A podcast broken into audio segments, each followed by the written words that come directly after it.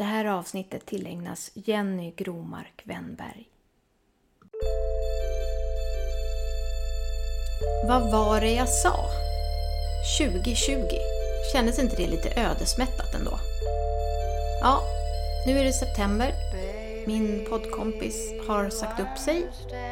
Jag har väntat på besked angående ett manus från förlaget som jag skickade in i mars. Så exakt sex månader faktiskt idag. Grattis till mig.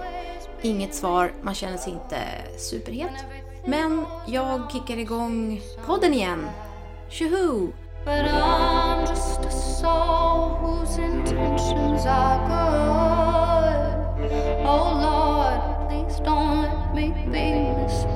Det är jag som är Nina De är och jag tänker debutera eller dö.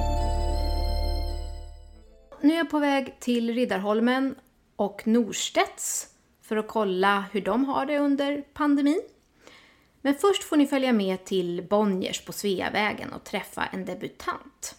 Madeleine Schantz som skrivit Vaken dröm. Berättelsen handlar om Maren som kommer hem från en resa i Japan i njutningspunkten mellan hägg och syren. Dagen efter uppsöker hon en psykolog och ramberättelsen i den här historien är det här kliniska frågeformuläret som psykologen använder i försök att ställa en diagnos. Och Marens svar blir allt annat än kortfattade och koncisa, utan hon flyter iväg. Jag har längtat efter att träffa Madeleine och prata om Vaken dröm. Nu är det äntligen dags.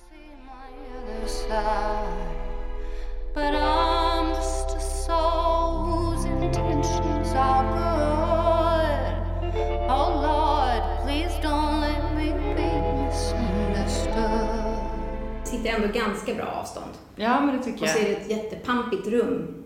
Precis, det är marmor och stuckaturer och eh, vackra typ pistagefärger bara för oss. Lirar det kanske lite med din bok? Ja, lite. Det kanske påminner lite om eh, golvet på flygplatsen i Japan som också är en ganska stor del. Ja, men det är ju väldigt, väldigt drabbande. Jag tror att det är många som har sträckläst den, precis som jag. Hur var det att skriva den här?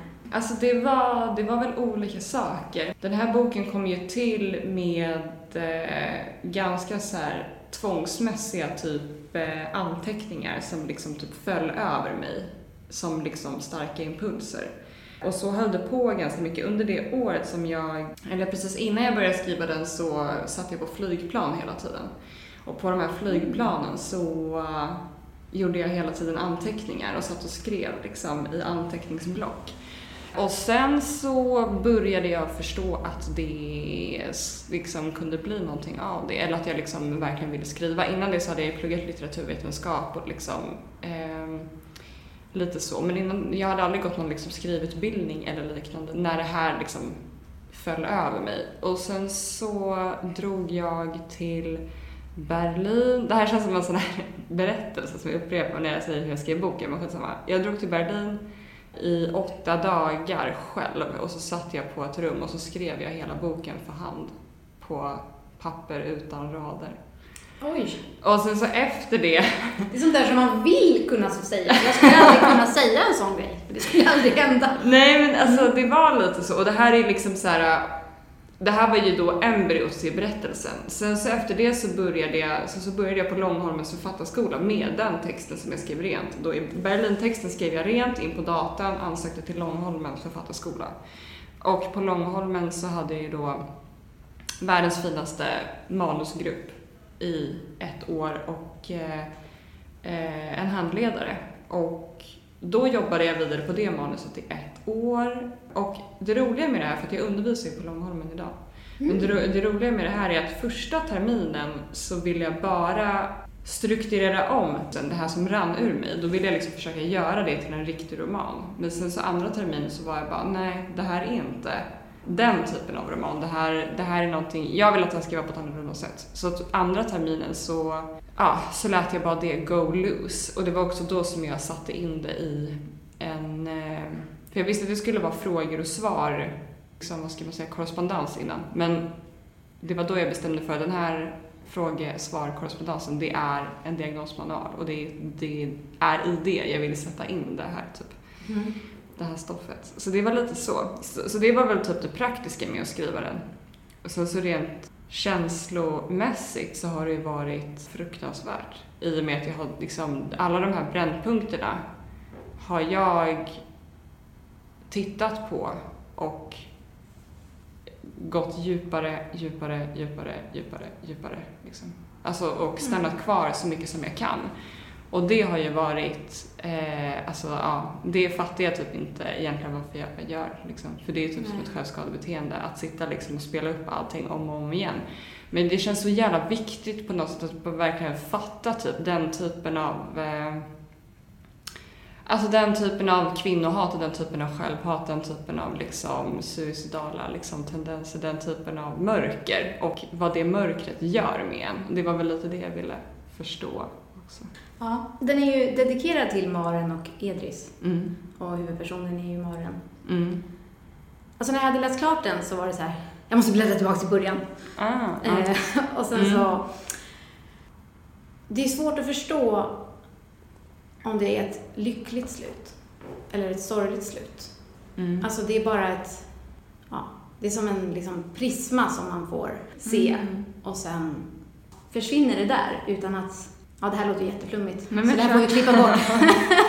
Men ehm, det är så intressant det där när du säger att du var tvungen att gå ner i det här djupare och djupare och djupare. För att det känns ju när man läser att man blir väldigt... Man slits ju med Mm. ner på ett så här... Jag ska Mm. inte säga ett magiskt sätt, för det är ju inte liksom magiskt, det är mer feel bad. Men det, är, Ja. det kan ju vara också väldigt skönt, så här, skönt ont som typ Ja. tandtråd eller så här. Ja, ja, ja. I alla fall lite mer hälsosamt självskadebeteende. Nej men exakt, alltså det är så bra med typ så här, när, när det är så kul, typ beroende på vem som frågar vad den handlar om så ger jag alltid typ olika svar beroende på vem det är som frågar liksom. Eh, och, och om det är, om, om det är en person som man kanske inte kan vara, vissa liksom typ så här, jag vet inte, vuxna människor i rummet, typ så om man träffar typ en gammal släkting, så här, vad, vad handlar den här boken om? Då, då blir det ju liksom, ah, det här är motsatsen till feelgood typ. Alltså, ja. Mm. Om du fattar vad jag menar. Ja, vad sa vi? Om, om det är ett lyckligt slut. Alltså jag vet inte, jag vet inte typ... Eh, jag inbillar mig att den här typen av berättelse, alltså som är då till Maren och Edris, det var faktiskt i eh, en annan podd som de sa typ Ja, det var ju Litteräris-podden. Så sa de, då pratade de om, om Vaken dröm och så sa de att eh, det är så skönt typ att karaktärerna inte blir bra. För att hur skulle, de, hur skulle de kunna bli det? Mm. Och det är väl lite det som är grejen med Maren, tror jag. Att så här, hur skulle hon kunna bli fri från det här? Det känns för förstört. Liksom. Mm. Alltså kärleken känns för förstörd och eh, typ, det, det är så mycket som har tagits ifrån henne. Så att jag känner att det hade väl, kun- det hade väl inte kunnat bli eh, på ett annat sätt. Nej. Ja, men det osar ändå av lite kärlek i slutet.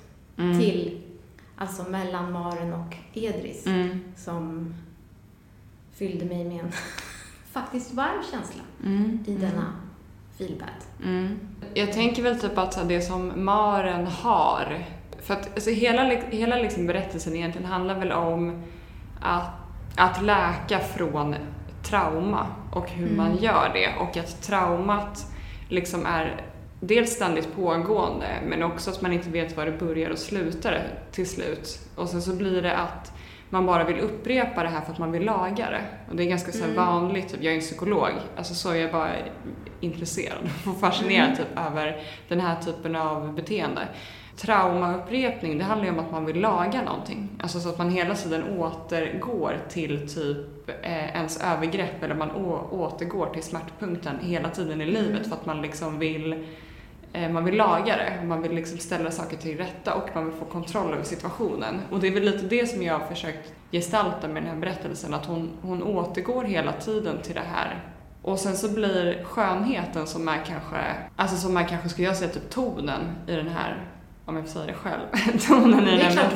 Ja, skönheten har jag i alla fall velat, vara, velat ha som ton och den, eh, det är ju en överromantisering av verkligheten som ins- alltså överlevnadsstrategi. Så att, liksom att, att romantisera världen och att lägga det här skimret på och att ha så mycket adrenalin som pumpar av rädsla gör att liksom när man tittar upp på den här himlen så blir det som att det var för första gången. Liksom, att man är helt nyfödd. Eller att det är för sista gången. Tänk att jag har fått leva det här livet. Tänk att jag har fått vara med om det här.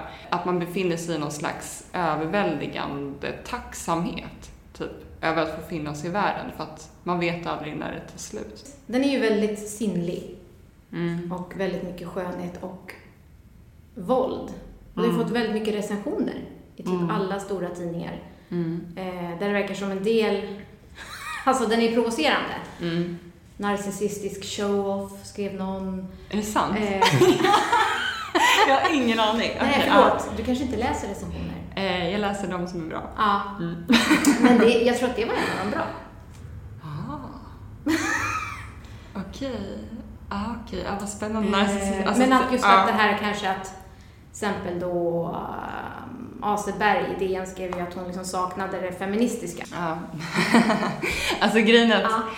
alltså ärligt talat så typ, alltså jag, ja, jag vet inte, alltså fuck den feminismen. För det är Ja. bara så här, alltså om man tittar på hur världen ser ut så är det ju bara så här, det här är ju verkligheten. Ja. Och då kan typ folk typ, jag vet inte, dra åt helvete med sin tillrättalagda feminism. Typ. Om man hela tiden ska skriva litteratur om typ så här, kvinnlig vänskap och typ så här, lyckliga typ jämställda relationer, alltså det är inte verkligheten. Nej. Så att jag, eh, ja, jag blir lite så här trött. Men hur var det då att få de här recensionerna? Eller du hade läst de som var bra? Ja, jag läste de som är bra. Jag tror mitt recensionsdatum var 25 eller 26 mars. Eh, Det var ju när corona typ Mm. började ta över hela världen. Så att när jag fick de här recensionerna så satt jag jätteförkyld hemma själv i min lägenhet. Och jag hade ingen releasefest. Jag har liksom inte träffat typ en enda människa under liksom hela releaseperioden. Så, från, så jag bevittnade i min release från de här bra recensionerna, men ingenting annat än det. Liksom. Mm. Alltså såklart att folk köpte boken och tyckte att den var bra, typ. Men jag har liksom Mm. inte haft, jag har inte varit på några uppläsningar eller liksom, jag har ju, alla mina uppdrag ströks ju och bla bla bla. Det här är verkligen ingen martyrgrej. Jag är ju lycklig som har debuterat överhuvudtaget, så det är liksom inte så. Det här är bara ett intressant perspektiv. Jag har bara bevittnat det här från min lägenhet själv. Alltså, så. som en observatör. Ja, som, ett, ob- som en observatör i ett akvarium. Typ att jag har suttit typ, och bara med mina stora fönster och bara, ja okej, världen dör och nu, nu debuterar jag. Och, alltså shit vad offer jag låter som. Men alltså det, det var väldigt speciellt. Om jag hade varit frisk hade jag väl kunnat, jag vet inte, göra någonting, typ tagit en öl med mina kompisar. Men nu var det bara så här dunderförkyld. Så då var det ju, då var det bara karantän. Men eh, vad heter det, hur det var att få recensionerna. Alltså den första recensionen som jag läste, det var den som kom ut först och det var ju Svenska Dagbladet. Mm. Eh, och det var ju en ride, för den var ju så jävla välskriven. Det är ju i alla fall topp tre sjukaste grejerna som man har varit med om i livet. För det var ingen självklarhet för mig att ens bli publicerad. Alltså, vad fan, vad fan är det liksom? Det är Mm. jättesjukt. Och som jag sa så skrev jag ju den här eh, boken ganska snabbt. Liksom. Det tog ju, ja men vadå, ett år och tre månader att skriva det materialet som man faktiskt läser i boken. För jag skickade in det och blev antagen på en gång. Oj, på en gång. Vad Ja. innebär det? Eh, Jag skickade in manuset, jag tror att det var 7 februari 2019. Och sen så fick jag en fin refus från Norstedts som, är, som var jätte, jättevackert skriven, typ, som jag blev jätteglad för. Mm. Och sen så en vecka efter det så mejlade min förläggare och så blev jag antagen. Liksom. Så det gick så fort. Och ärligt talat, det manuset, jag var jättestolt över det. Men jag, jag räknade inte med att det skulle bli någonting. Jag tänkte så, okej men nu skickar jag in det här och typ så här, tar lite temp på läget. Mm. Men det blev ju, det gick så snabbt. Så från ena dagen till den andra kändes det som. Det tog ju för sig två månader innan jag fick mejlet. Men från den ena liksom ena kastet till det andra så bara blev det så. Och då, så att läsa svenskan sen, drygt ett år senare. Mm. Alltså från att jag har suttit, för det är så kul för att en av anledningarna till att jag verkligen ville vara med i den här podden är för att den heter Debutera eller dö. Och jag satt, alltså när jag skrev det här manuset och bara om inte jag liksom får skriva så vill jag inte leva typ. Så det var verkligen så pass liksom hårt, alltså inte typ som en martyr, alltså inte liksom som en, som en liksom töntig grej man slänger sig med utan jag kände verkligen bara att jag måste få göra det här. Skitsamma om det här liksom blir världens största grej eller inte, men om jag inte får skriva så finns det liksom ingen mening med någonting överhuvudtaget. Och det kanske låter jättedramatiskt, men sen så när jag väl blev antagen så var ju det det var ju liksom världens grej. Och sen så då ett drygt år senare så får man möta den typen av respons. Det är en sinnessjuk situation liksom. Mm. Är det. Men vad tror du det var då som gjorde att du fick så snabbt svar? Jag frågar åt en kompis.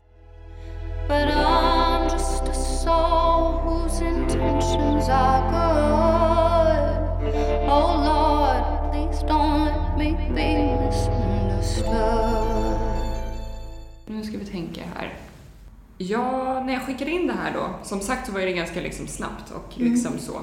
I det Word-dokumentet då som manuset låg i så hade jag faktiskt sparat, jag vet inte om det här är liksom svar på din fråga, men då hade jag sparat hela eh, manualens liksom korrekta innehållsförteckning. Alltså frågornas innehållsförteckning fanns och på de flesta frågorna så är ju fråga och följdfråga.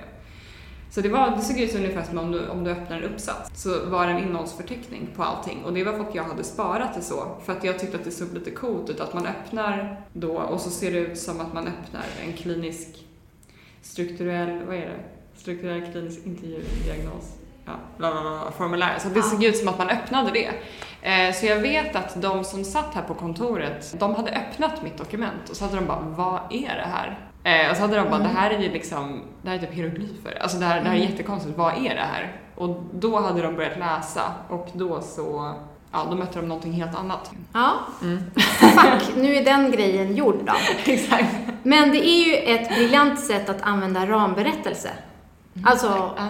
jag har inte gjort just det här, men Nej. jag gissar att det blev också ett väldigt bra, en bra struktur Ja, ja. som hjälpte dig. Ja, ja men det var det. Jag, det tog ju som sagt, jag visste hela tiden att det skulle vara frågor och svar, så rösten, liksom Marens berättelse har alltid varit att hon svarar på en fråga. Liksom den typen av så här, replik, eller inte replik, men den typen av liksom korrespondens eller så här, den typen av ton. Så det visste jag ju. Sen så tror jag också att det blev en slags, ja jag vet inte, den typen av kontrast från det här, det, det mest kliniska, vilket jag tycker är, det är ett ganska sjukt sätt att förhålla sig till människor på, att fråga den här typen av frågor i den typen av klinisk miljö. Och många av frågorna är ju kanske de mest innerliga som man kan ställa till en människa. Liksom. Så i, i det här kliniska rummet, i den här kliniska miljön, på det här kliniska sättet så ställer man den mest innerliga, mest sårbara frågan och förväntar sig ett svar på det. Och det tycker jag är en ganska, alltså jag tycker att det är en eh, märklig maskin. Och det som gör det så intressant och starkt är ju att Maren börjar berätta mycket mer och lite off topic. Och den här um, intervjuaren är ju ganska stram Mm, psykologen. Ja. ja. och eh, kan liksom inte förhålla sig till det. Nej. Men ändå, Maren går bara på och på och på så att Mm. det blir ju, hon avslöjar ju också att det finns en Ja. del liksom weirda drag i henne. Ja, verkligen. Hon säger ju hela tiden för mycket för att det här är kanske enda möjligheten att lämna spår i världen. Och, och jag tror att hon säger det också, typ att så här, men jag vill ju bara att du ska skriva ner vad jag säger. Alltså det här är någon slags eh, diktafon, typ. Alltså det här, det här förstår du, det här är slags, Ja. liksom, det här är ett sätt att kapsla in det hon säger. Så om jag ska gissa så tror jag faktiskt att hon befinner sig bara på den här platsen för att någon ska skriva ner det här. Alltså att det ska bli sparat i något arkiv och liksom finnas någonstans och liksom... Eh, Di, det, diarieförd eller journalförd. mm, precis. Så att det här är ju hennes sätt att skriva en bok typ. Så jag skiter i det här typ. Alltså du kan dra åt helvete med din diagnosutredning. Jag ville bara berätta om mitt liv typ. Psykologen hade ändå ganska mycket tid. Ja, Alltså, ja verkligen. Det här är ju Ja. egentligen kanske typ Mm. ja, tio träffar liksom. Men tiden finns ju inte riktigt i den här berättelsen heller. Mm. Tiden är lite konstruktion i den så det kanske passar. ha, så att det gick fort från Mm. att du skickade in tills du fick svar. Och då blev du antagen direkt. Hur Mm. mycket förändrades den sen då under liksom, tiden innan den kom ut? Eh, du kommer hata mig nu. Men alltså jag tror ingenting. Att, ingenting. Nej. Eh, så gott som ingenting. De sa när jag blev antagen att eh, vi vill inte ändra någonting. Vi vill liksom, det, det är lite korrektur, det är lite justeringar, vi vill stryka typ några meningar, men vi vill inte göra om någonting. Mm. Fan vilken tacksam debutant, alltså att ta in bara, nej men det är typ klart. Ofta så säger man ju att det är en stor investering att ta in Ja. författare för det ska Ja. eh, gå massa vänder och... Ja. Ja. nej, så det, var, det var kul typ så när jag och Jon, min redaktör, när vi satt då här en trappa upp och eh, redigerade. För då, när vi liksom sågs på vår redigeringsrunda så var det ju så här. Hej hej, typ tog en kaffe, satt på hans kontor, typ snackade och så, så läste vi liksom texten. Eller han satt och läste liksom högt, ganska många bitar där det var någonting i språket som var lite vajsing typ. Och då flyttade vi kommatecken och typ liksom satt och... Mm. Och jag la till ganska mycket. Jag vet att typ att jag la till eh, när Maren sitter i taxin eh, i Berlin eh, på väg till det här hotellet. Då la jag till att hon skulle äta en persimon. Alltså lite Mm. sånt. För att då satt jag och bara, ah, men det där vill jag lägga till. Typ, vad tror du om det här? Mm. Vad tror du om det här? Det är en väldigt saftig frukt. Så den Ja, exakt. Den var övermogen också, Mm. så den bara typ kladdade ut. Rann ner. Ja. Ja, men hur ska jag nu liksom kanalisera det här inne i mig och ändå känna hopp kring att det går att debutera? För jag känner ju lite som du, att Mm. Annars måste jag dö. Mm. Ja, jag vet, jag Ja. gillar den känslan. Nej, men jag, jag, alltså jag tycker typ att så här, egentligen, jag ska säga så här, det är den viktigaste känslan. Sen dör jag liksom. Mm. Jag tror att man ska ge det sin fulla uppmärksamhet under ett tag. Jag tror att man ska liksom vara så här, ja, nu, eh, nu satsar jag allt jag har på det här. Nu liksom, ja, jag gjorde det i ett år och det är den bästa investerade tiden. Att Jag, jag la allt åt sidan och skrev bara på det här i ett år. Jag tror att jag behövde den tiden. Sen så tror jag att, att det är viktigt att gå tillbaka till liksom ursprungskärnan. Eh, Alltså jag inbillar mig, alltså jag, jag är som sagt liksom handledare på Långholmen, men ingen vet ju hur man får till litteraturens magi, skulle jag säga. Mm. Så typ så här, jag kan ju bara vara lekman och typ så här föreslå saker. Mm. Så jag är verkligen inte anspråk på typ någon slags sanning, men jag tror typ att ofta när man skriver så så har man en brännpunkt, man har en kärna och man har någonting som det handlar om egentligen. Och allting innan man når fram till det att, är att man bara liksom trippar runt det och försöker göra det till någonting begripligt. Eller så var det för mig i alla fall. Så sen så, så fort jag sket i att det skulle vara litteratur, jag sket i att det skulle vara en bok för någon annan, utan så att det här ska bara vara en text för mig. Det här är det viktigaste, jag måste skriva det här för mig själv. Jag måste verkligen hitta ett sätt att hitta en, en slags dialog slash monolog mellan mig själv och mitt inre. Den här typen av kärna. Allt det här andra litterära fluffet, det är ju bara ett litterärt fluff för att liksom på något sätt kunna kommunicera vad det handlar om. Men vad handlar det om egentligen? Det är också det som jag säger till mest studenter. Att så här, det känns som att du skriver det här men att du kanske egentligen bär på någonting annat. Alltså, ja, som sagt, jag kan inte göra anspråk på ett shit. Men det här är bara Mm. min lekmans observation. Typ. Jag vet inte om det är till någon Mm. hjälp. Men... Nej men det... Eh, jag intervjuade Fredrik Backman med min eh, Mm. poddkompis Johanna. Mm. Och han skrev sen när vi gick därifrån, Mm. dedikationen då i den bok vi hade pratat om, Folk med ångest hade vi pratat om då. Mm. Gräv djupare, Fredrik. Det är ju verkligen en... Ja, ett universalråd helt enkelt. Tycker jag. Ja, exakt. Men att, eh, att kanske hitta det och sen så, ja, så tror jag också att man får eh, skriva som fan och så. Mm. Det är det typ. Och hur ser du på de här smärtpunkterna nu? Efter att du har fått ner dem, Ja. boken har kommit ut. ja. Blev det någon skillnad? Eh, nej. Nej. Eh, nej, det är liksom, världen pågår ju. Så att det liksom, det pågår ju hela tiden, tänk, tänker jag liksom. Jag vet inte om jag någonsin kommer bli fri. Alltså det som män utsätter kvinnor för i den här världen, det upphör ju tyvärr, det slutar ju tyvärr inte liksom. Jag som människa kommer nog alltid vara rädd och bära på den rädslan. Och jag som människa kommer nog alltid vara liksom uppriven av det här. Liksom. Sen så är det ju olika sätt hur man, alltså i konsten, hur man liksom förhåller sig till det. Men jag har ju, jag har ju faktiskt börjat inse nu att så här, nej, jag kanske inte kommer bli fri från den här, alltså den här typen av inre bild, det jag ser när jag skriver. Den typen av känsla eller den typen av liksom längtan. Alltså hela Vaken dröm är någon slags längtan till vila, tycker jag. Liksom. Att man befinner sig i det här traumatiska men att allt man vill är bara att få fucking vila liksom. Och det tror jag att jag själv inte kommer bli kvitt liksom. Mm.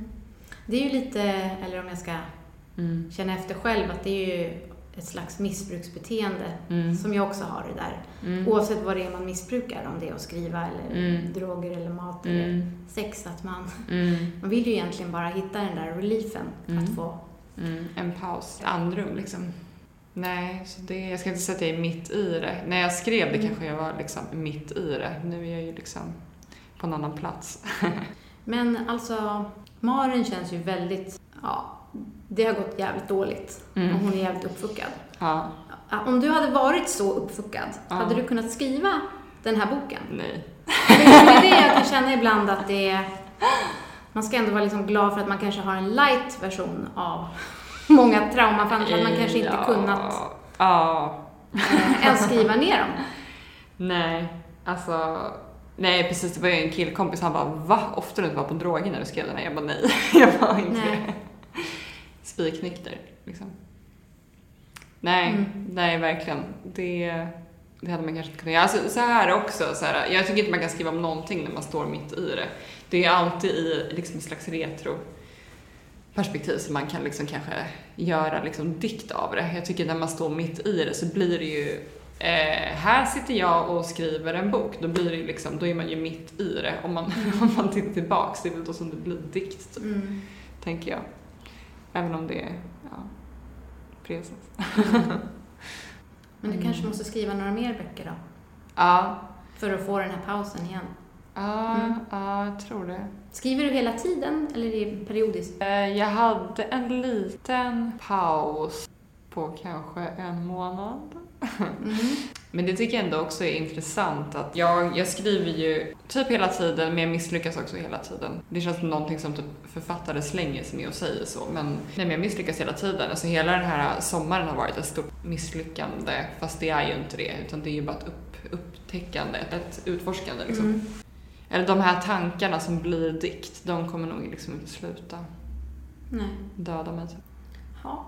Har du något mer råd då till alla som drömmer om att debutera? Skriva Mm. Jag är ju väldigt många, men det är ju en väldigt stor skillnad också Mm. när man försöker närma sig att få släppa ut det i världen. Ja, jo precis. Mina råd är gå en skriv... Gå på folkhögskola. Gå på din. Gå på, kom till mig, Ja. kom till Långholmen om man vill ha mig som handledare också. Det hade varit skitkul. Det är bara att söka. Och kommer man inte in på Långholmen så sök en annan. Alltså, Mm. jag tänker så här. Ingenting kommer gratis. Man får verkligen, man får verkligen ge det sin fulla uppmärksamhet. Mm. Och man får verkligen ger sitt allt. Skriv varje dag och tänk inte att det ska bli en bok. Tänk typ, vad är viktigt för mig? Och skriv, skriv den bästa boken för dig själv. Och skit i hur, skit i hur en bok ser ut. Skit i typ hur en bok är uppbyggd och typ så här vad som vad som är typ litteratur inom situationstecken. Men jättemotsägelsefullt, hitta två litterära förebilder. För det kan vara hjälpsamt att avgränsa sig till liksom vad, vad det ska bli. Så hitta två litterära förebilder och ge det all din uppmärksamhet. Gå en skrivarskola och när du hittar en brännpunkt så stanna kvar, stanna kvar, stanna kvar, stanna kvar, stanna kvar, stanna kvar. Magiska ord här Mm. från Madeleine Ja. Fans. Men det var Mm. jättekul att få prata med dig. Jätte, Om det här. jättekul. Tack. Tack.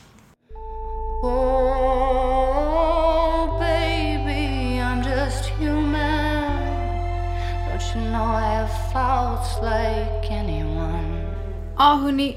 Vi är väl överens om att det är bäst att inte jämföra sig. Nu lägger jag det något sårade egot åt sidan och åker till Norstedts. Så får vi se vad vi kan lära oss där.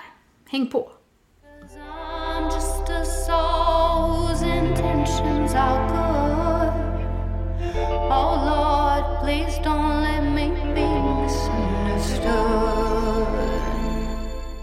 nu sitter jag på Norstedts med Katrin Mörk. Hej! Hej! Hej! Kul att se dig. Tack! Vi har försökt eh, få till den här intervjun i, Ett år. ja, några mejl försvann i etern. Och sen hamnade vi i coronakrisen. Exakt.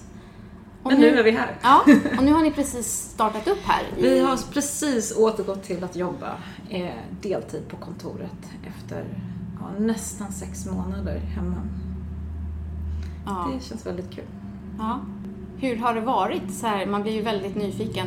Speciellt, vi hade ju alla förutsättningar rent tekniskt för att jobba hemma, vilket var väldigt skönt för omställningen gick väldigt fort. Eh, Men det är något helt annat att sitta på ett, ett kontor med fantastiska kollegor och kunna bolla saker dagligen till att sitta hemma i sin ensamhet och inte kanske vilja ringa och störa folk under arbetet. Man vet inte vad de gör och, eh, och också bristen på personliga möten är ju i mitt yrke som agent ganska jobbigt. Och då måste jag hoppa in direkt och säga här att det känns lite som att jag nu har tagit mig till gränsen mellan Nord och Sydkorea. Och här patrulleras det av svenskar och schweizare. För att jag som aspirerande författare har ju försökt slå mig in på förlag i flera år. Jag har försökt haffa en agent. Än så länge har det inte blivit någonting. Så det känns lite skönt att träffa dig som är då litterär agent på Norstedts Agency heter nu.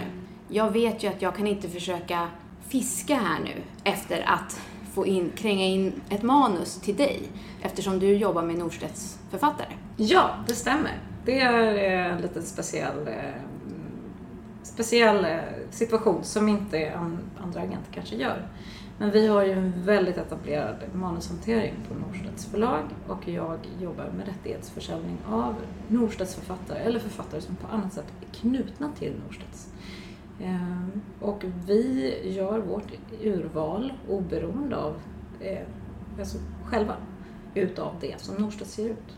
För Norstedts ser ut ungefär runt 250 titlar om året tror jag. Och av det så kanske vi jobbar med ja, 20, mellan 25 och 50 titlar.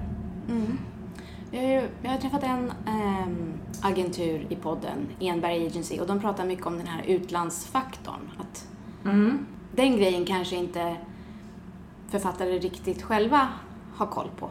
Vad det är som går att sälja.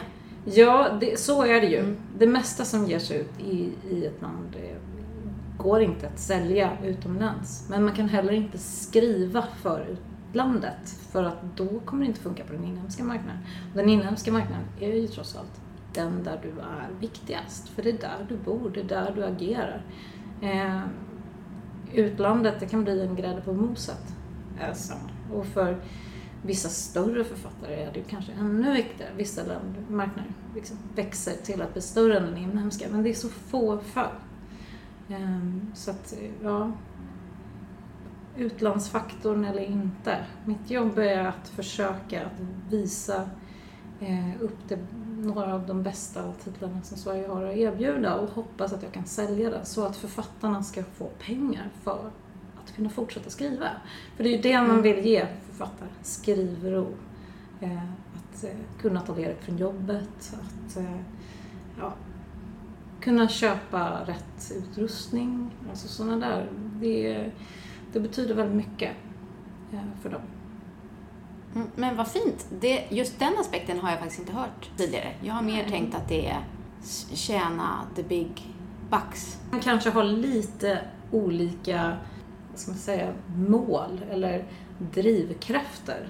Också när man jobbar på förlag. För att ett förlag är ju till för att jobba med litteratur. Vi som jobbar här, vi älskar böcker. Vi älskar att prata böcker, att jobba med text, att eh, utveckla läsandet, främja läsandet. Och ni vill ge författare skrivro. Ja, för det är ju så här. Vi, har ju, vi jobbar med både kommersiella författare och extremt okommersiella författare. Men som har någon slags litterär verkshöjd som är viktig att förmedla och som ibland går att sälja utomlands. Eh, och de pengarna vi tjänar, de går till författarna och de går till förlaget och de återinvesteras i att arbeta med andra författare. Den går inte in i någons personliga eh, ficka. Vilket kanske... Jag vet att vissa externa agenturer eh, kan eh, komma med argumentet att de är oberoende och obundna, att de inte har några lojaliteter och så vidare. Ja, fast någon tjänar ju ändå på det. Det finns ju ingen agent som jobbar gratis. Det finns ingen agent som inte lyfter någon lön. Mm. Det, det är ju... Och alla har ju sökt sig till det här yrket för att de gillar böcker. Det är liksom någonstans en grundessens. Men eh, för mig är det viktigt. Att köpa författare skrivro. Att eh, bidra till att de kan leva på det här. För det är ganska få författare som kan leva på sitt skrivande idag. 100 i Sverige har jag hört någon siffra så här. Det kanske var några år sedan. Ja, Ja. något liknande. Mm. Och det Mm. tror jag stämmer. Och om man då är en författare in spe, eh, jag vet inte ens om man kan säga så länge, men om man aspirerar på eh, att få ut en bok och Mm. vill ha en agent, Mm. har du några råd då? Jag, jag pratar ju nu då till den eh, neutrala styrkan här vid Ja, eh, gränsen. Där, där är jag väl inte helt neutral, för jag jobbar ju ändå på Norstedts. Ja. Eh, och vi har ju en väldigt etablerad hantering av våra manus. Vi Ja. får ju in mellan 2 och 3 tusen manus om året. Varav vi tar oss an en handfull. Så om vi pratar om debutanter Ja. i Inspe. Eh, och i, i det urvalet, säg att det är 10 titlar, det är ju allting ifrån eh, poesi till eh, kommersiell deckare till eh, faktaböcker. Mm. Eh, Så det är väldigt, det är väldigt eh, stor konkurrens och det, den ingången ökar inte nödvändigtvis av att man har en agent i förväg. Det kan göra det, Mm. men det behöver inte göra det. Men det är intressant, för det är ju, tror jag att det är många som tror att får man en agent, då knäcker vi champagnen.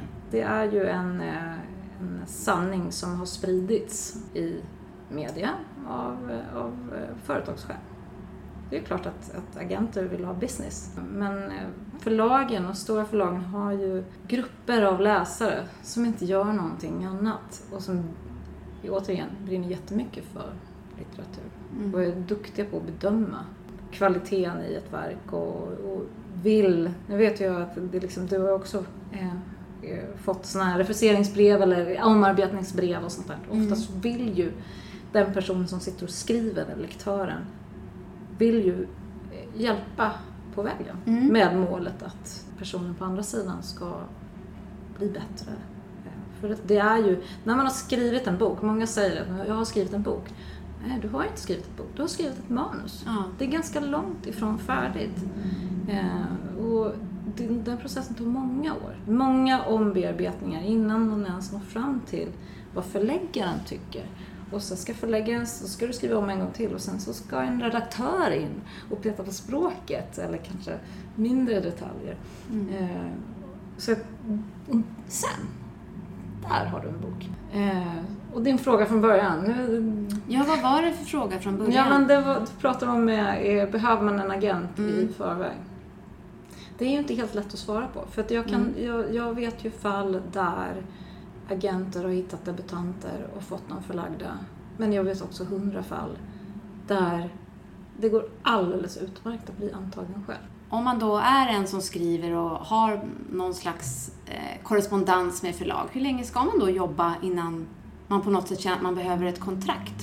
För jag kan känna att det rör sig ibland om väldigt långa perioder, alltså åratal av ju såklart obelönat arbete. Ja. Och det ska man ju inte kräva någon ersättning för, Nej. för man försöker ju skapa någonting. Men någonstans så blir det ju också så här, men kommer det här leda till någonting? Eller håller ni bara på att skicka mig en liten hemläxa för att jag ska liksom hålla mig borta ett halvår till? Jag tror att om, det är, om man hamnat i en sån eh, ond cirkel där man bara skickas tillbaka om och om igen. Då är det någonting som inte funkar. Då är det någonting Ja. som inte är eh, hundraprocentigt. Med det det behöver, manuset då helt enkelt? behöver inte Ja. vara manuset. Det kan vara att du är på fel ställe. Fel eh, förlag då? Ja, exempel. fel förlag för din bok. Ja. Eh, och i... Det, det är också så här, det eh, tusen fall av, av, av det här som rasslar genom huvudet. Men Mm. eh, det kan också vara så att ditt manus är bra, men det är inte 100 procent. Då vet jag författare som i väntan på feedback har börjat ett helt annat projekt. Mm. Och så blir det projektet antaget. För att varje varje manus är ju en resa. Det är ju som att övningsköra eller lära sig cykla eller gå i skolan. Du blir bättre ju längre du jobbar. Ju mer hjälp du, Mm. du gör. Men samtidigt så blir du lite blind efter ett tag. Och du börjar tvivla på dig själv. Och du ska in och peta i det här manuset om och om igen. Vad är det som inte funkar? Kanske bättre att, att testa någonting annat. Eller ta det manuset till en annan part och säga, vad tycker ni då?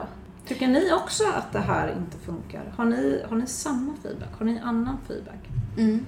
För när man har fastnat i en, en dålig spiral, alltså det kan jag inte ut, ut, uttala mig om ditt specifika fall. Mm. För jag har inte läst manuset, jag vet heller inte vilken feedback du har fått. Eller liksom var av vem. Eh, men det finns ju folk som på första försöket när de skickar in blir signerade. Eh, Mm. och sen finns det de som jobbar många, många, många, många år. Så det, det, det går inte att säga någonting generellt. Men är det så att man har hamnat i en dålig situation, testa någonting annat. Det gör ju jag alltid för att det hinner man ju göra. Eftersom det går ett halvår till ibland liksom nio månader innan man ens får svar. Då hinner man ju, om man har en hobby, att man tycker det är kul att skriva, hinner man ju skapa någonting nytt. Men då har det oftast varit så att då är jag inne och nytt och liksom, det här är ännu bättre och nu har jag kanske höjt mig lite, tänker jag. Och så kommer det här svaret igen. Hej, nu har vi läst om det här och eh, du, om du bara kan ändra det här och det här och det här. Och då bara så gör man en sån här Titanic och bara slagsida, hoppar Ja. över till det gamla Ja. och försöker fixa för man tänker nu jävlar ska det hända. Eh, och så har jag jobbat på det ett halvår och skickar tillbaks. Och sen väntar man ett halvår till, då går man tillbaks till det gamla men då har man lite kommit ur andningen det man höll på Mm. med. För man är ju en, eh, en slags ja, förlagsbitch som bara hoppar runt där det liksom verkar rimligt att något ska hända. Vad jag vill komma med det. Men det är tufft. Det är tufft att göra omtag. Och du är heller inte samma människa nu Mm. som du var när du började skriva det första manuset. Och det blir också så här, nu låter det som gnällpodden, men att om jag nu får, skickar in ett manus till en rad förlag och så får jag en massa svar. Nu har jag väl kommit till den nivån, eller vad man ska, det låter ju förmätet, men att jag ändå alltid får ganska långa utförliga svar, även om det är nej tack. Och då får man ju ofta förslag också på hur det här kan bli bättre. Och de kan ju vara väldigt, väldigt olika. Som på just det här manuset som jag håller på att traggla med nu, då fick jag ett svar, liksom, ja, om du kan ta bort den tidslinjen och förenkla det till en relationsroman så läser vi jättegärna igen. Och så från det andra förlaget som jag gick på, nu tar jag bara två exempel, så var det liksom, kan du inte bygga ut det ännu mer till en roman? Bygg ut båda tidslinjerna, gör det liksom mer roman. Och då kände jag, yes, det är det jag vill göra. Så då gick jag ju på den linjen.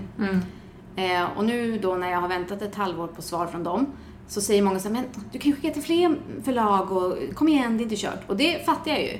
Men i och med att jag valde det här förlagets linje att bygga ut kan jag ju inte gå tillbaka till det andra förlaget som sa vi vill ha en enklare relationsroman och säga ja fast jag gjorde, jag maxade istället den här tidslinjen som ni ville ta bort. Varför inte? Är det så? Du tror ändå att det finns en chans? Varför inte? Ja, men också lite sådär, eh, man måste vara lite olydig och lite anarkistisk och följa, alltså jag hörde en jättebra intervju där, där någon pratar om liksom vad texten tar en. Att det är en sak att skriva och det är en annan sak att vad texten vill i slutändan. mm, verkligen. Och det räcker ju med att du går in på Goodreads eller någonting annat så ser du att det finns tusen olika recensioner och alla tycker olika. Och likadant är det med förlag och, och, och lektörer. Och det kan ju vara, eh, återigen, jag vet ingenting om vilka förlag det är eller så, men det kan ju vara så att den, det ena förlaget känner att Nej men vi saknar verkligen stora romaner. Och det andra förlaget känner att men vi behöver mer feelgood. Mm. Och du är kanske och nosar på båda de ämnena och då ger de båda rekommendationer utefter vad de tror att marknaden vill ha. Ja.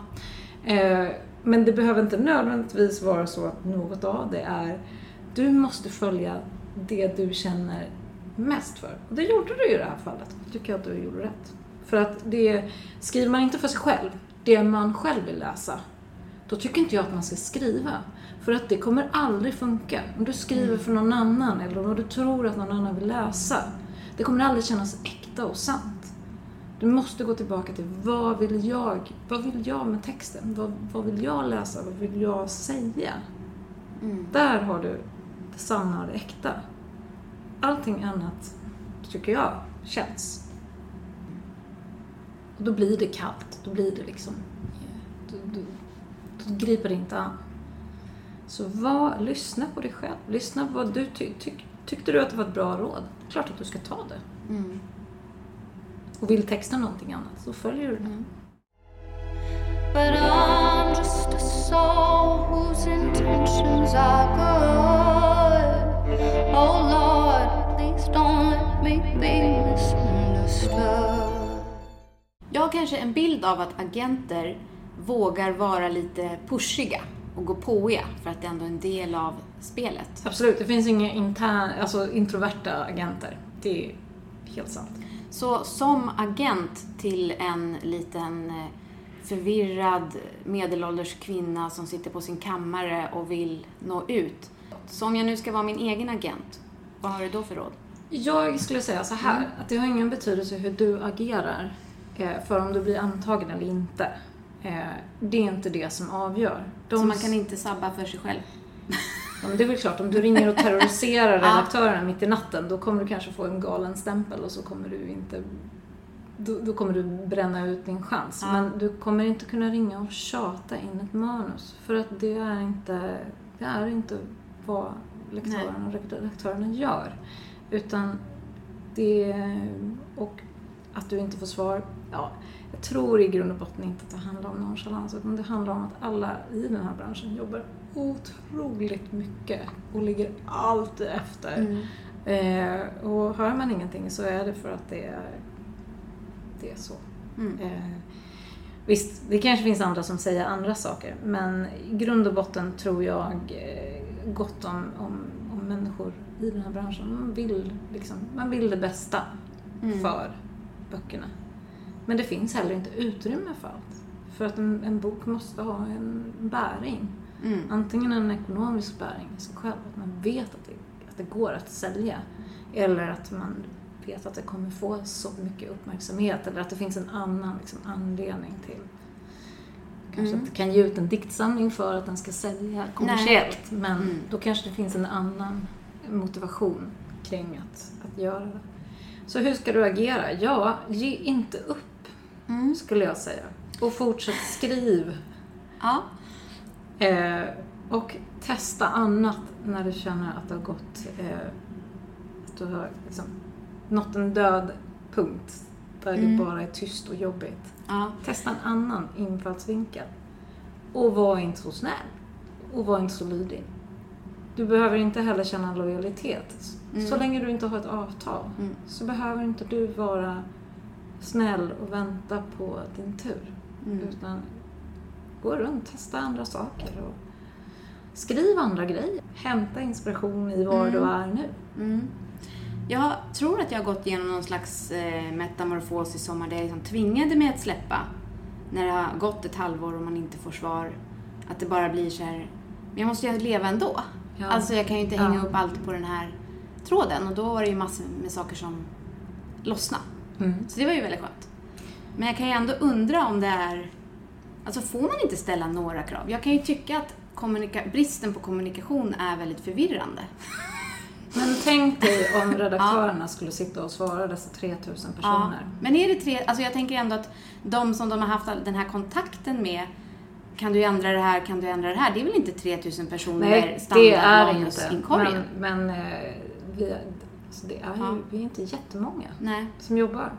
Eh, och de eh, vet jag återigen inte vem du har haft Ja. kontakt med. Men är det en förläggare så ska den förläggaren ha kontakt med de författare som utkommer, som skriver. De ska bedöma de grejerna också. Ja. De ska ge feedback, de ska eh, ut, ut, liksom ta hand om sin personal. De ska sitta i interna möten för att bestämma hur listan ska se ut eh, kommande åren. De ska sitta på möten med agenter och så vidare. Det finns inte så många timmar på ett dygn. Nej. och det ser jag ur egen frustration, för jag känner aldrig att tiden räcker. Nej. Jag känner aldrig att jag är tillräcklig. Jag känner aldrig att jag hinner prata tillräckligt mycket med mina författare till exempel. Eh, och, och speciellt som medelålders mitt i livet. Eh, du vet, man har liksom vab och annat att ta hand om.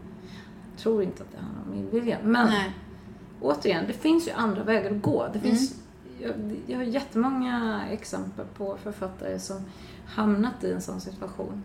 Som eh, då till slut ger ut sig själva. Eller går till ett mindre förlag där kanske ledtiderna inte är så långa. Det, det finns andra vägar än att sitta och vänta. Eh, vänta. Men eh, Ja. ja. Svår situation alltså. Jag, först, jag förstår, men det är... Jag hörde en av dina andra poddar du pratade om, visst var det din bror som jobbade inom film? ja, exakt. Som kunde söka pengar för att skriva. Ja. Det tycker jag är fantastiskt. Att ha den möjligheten. Men jag tror också att det skulle aldrig funka i en sån här liten bransch. Hade det funnits guld att tälja Ja. så hade vi alla gjort det. ja. But I'm just a soul whose intentions are good. Oh Lord, please don't let me be misunderstood. Vi tog en liten bensträckare här så tänkte jag på det här med att vara medelålders. Och ha en dröm att, alltså att jag måste ju tänka bort tid helt och hållet. Men det är väldigt svårt för att allt annat går ju fortare och fortare och fortare. Och litteratur är ju fortfarande Det bland det tid. långsammaste vi har. och även förlags, alltså kontakten med förlag. Nu låter jag igen, jag slår på samma trumma, men att bland de långsammare Mm. man kan ha. Men det är ju för att det tar tid. Det tar tid att skriva, det tar tid att läsa och det måste få ta tid att läsa. Och eh, när du skickar in ditt manus till den personen, då har den ju inte bara ditt manus Nej. att läsa, utan då kanske den har 200 andra Mm. eh, grejer eh, att läsa samtidigt från olika håll. Och jag tror att alla gör så gott de kan. Försvarstal. Men det är ändå sådär, det, det, det tar tid. Jag tror inte att det går att förändra. För då, är, då, då skulle du behöva vara ett tryckeri och eh, trycka det som skickas in utan att det behöver arbetas på. Och då, det kan man göra själv. Det finns ju den möjligheten. Egenutgivning kallas Ja. det. Jag, jag, jag sitter tyst. det är om det. Två medelålders som föredrar böcker. Mm. Väldigt unikt. Ja, men jag tror att det är vi som kommer vara den här framtida kulturkvinnan, eh, eller kulturtanten-generationen. Ja. Liksom. Vi kanske inte kommer klä oss i Gudrun Sjödén, men vi står där i våra eh, Rodebjerg-klänningar. Ja, ja, men exakt. Det är, ju- det är ju det nya. Sött vitt vin. När bokmässan startar måste ju Rodebjer ha en pop-up. Ja, Hör du det nu Karin? Eller hur? Jag har faktiskt inte på mig Rodebjer idag, men det är för att jag är, Men jag är fattig. Det är det, det viktiga småpratet för att komma någon vart. Apropå att träffas IRL kontra telefon eller digitalt. det är ju det. Det här året eh, har ju inte varit så kul för de som har kommit ut. Nej. Och det, tycker, det gör riktigt ont i mig. För att Mm. det blir ett förlorat år på det, på det planet. Och ingen har fått Harry och Lis fester och liksom, träffa sin familj. Jag tänker på vad ni har haft för debutanter. Eh, Ja, bakvatten. I bakvatten Ja. hade vi i våras eh, och den har gått ganska bra. Fantastisk bok. Ja. Eh, och eh, det är en, på ett sätt en ganska klassisk Norstedtsbok. Den utspelar sig i Norrland, det är ett stort narrativ, det spänner över generationer och det är kärlek och det är familjehemligheter. Mycket bra eh, bok. Är hon eh, en i urvalet som ni har gjort? Absolut. Agenturen? Ja, Mm. och det är ju, mm, det kan man ju säga, det är en intressant aspekt att i Sverige, eh, nu blev Maria recenserad, hon, hon lyckades skriva en sån här berättelse som eh, ligger kanske lite mittemellan genrer. I Sverige så är vi ganska specifika, vi pratar om litterärt och vi pratar om, om kommersiellt. Vi snackar inte så mycket om det som är däremellan. Då hamnar det mellan stolarna, recensenterna vet inte vad de ska göra, så då låter de bli det. För de tycker att det är för kommersiellt. Då recenserar vi inte det. Eh, Men i andra marknader så är den här genren, gråzonsgenren, Mm. eh, det är någonting som kallas upmarket. Och det är det som, som eh, eh, säljer bra. Det är, det, är inte, det är inte spetsen och det är heller inte det mest kommersiella utan det är just de här breda berättelserna, de har början, ett slut och en tydlig dramatisk kurva, eh, många personporträtt och, och det är ingenting som man eh, ser ner på att någon gör.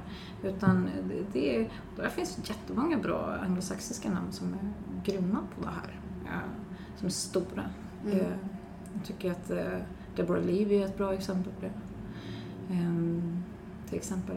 Ehm, så att oftast så, det är inte den vanligaste genren i Sverige. Men det är den genren som är ofta förlag egentligen letar efter, utländska förlag, när de söker efter böcker att översätta.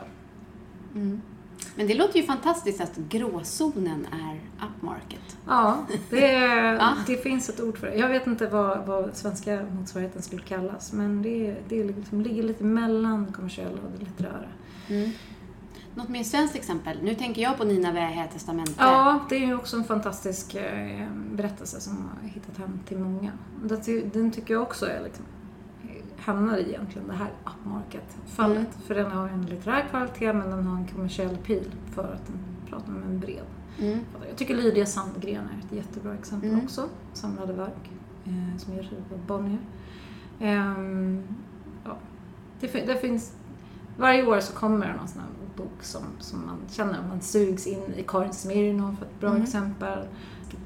Ja, men nu är det ju ingen som lyssnar på det här som måste gå hem och känna jag måste skriva exakt den här gråzonen med Nej. många författarporträtt och en kommersiell Nej. peak. Sa du det? Eller kommersiell Kommersiell appeal. appeal? Kommersiell appeal. Ja. Men så det känns som att det är bredare nu som kan gå, gå bra. Kanske är många som ändå känner igen sig i det här. Liksom inte någon superkommersiell grej. Nej, det, och det är ju... eh, Jag tror att det... Är det sant och bra, då når det hem. Mm. Eh, Då hittar det sina läsare. Men skriver man för att bli såld, oftast så funkar inte det. Man måste Mm. tänka på vad gillar jag att läsa, vad gillar jag att skriva.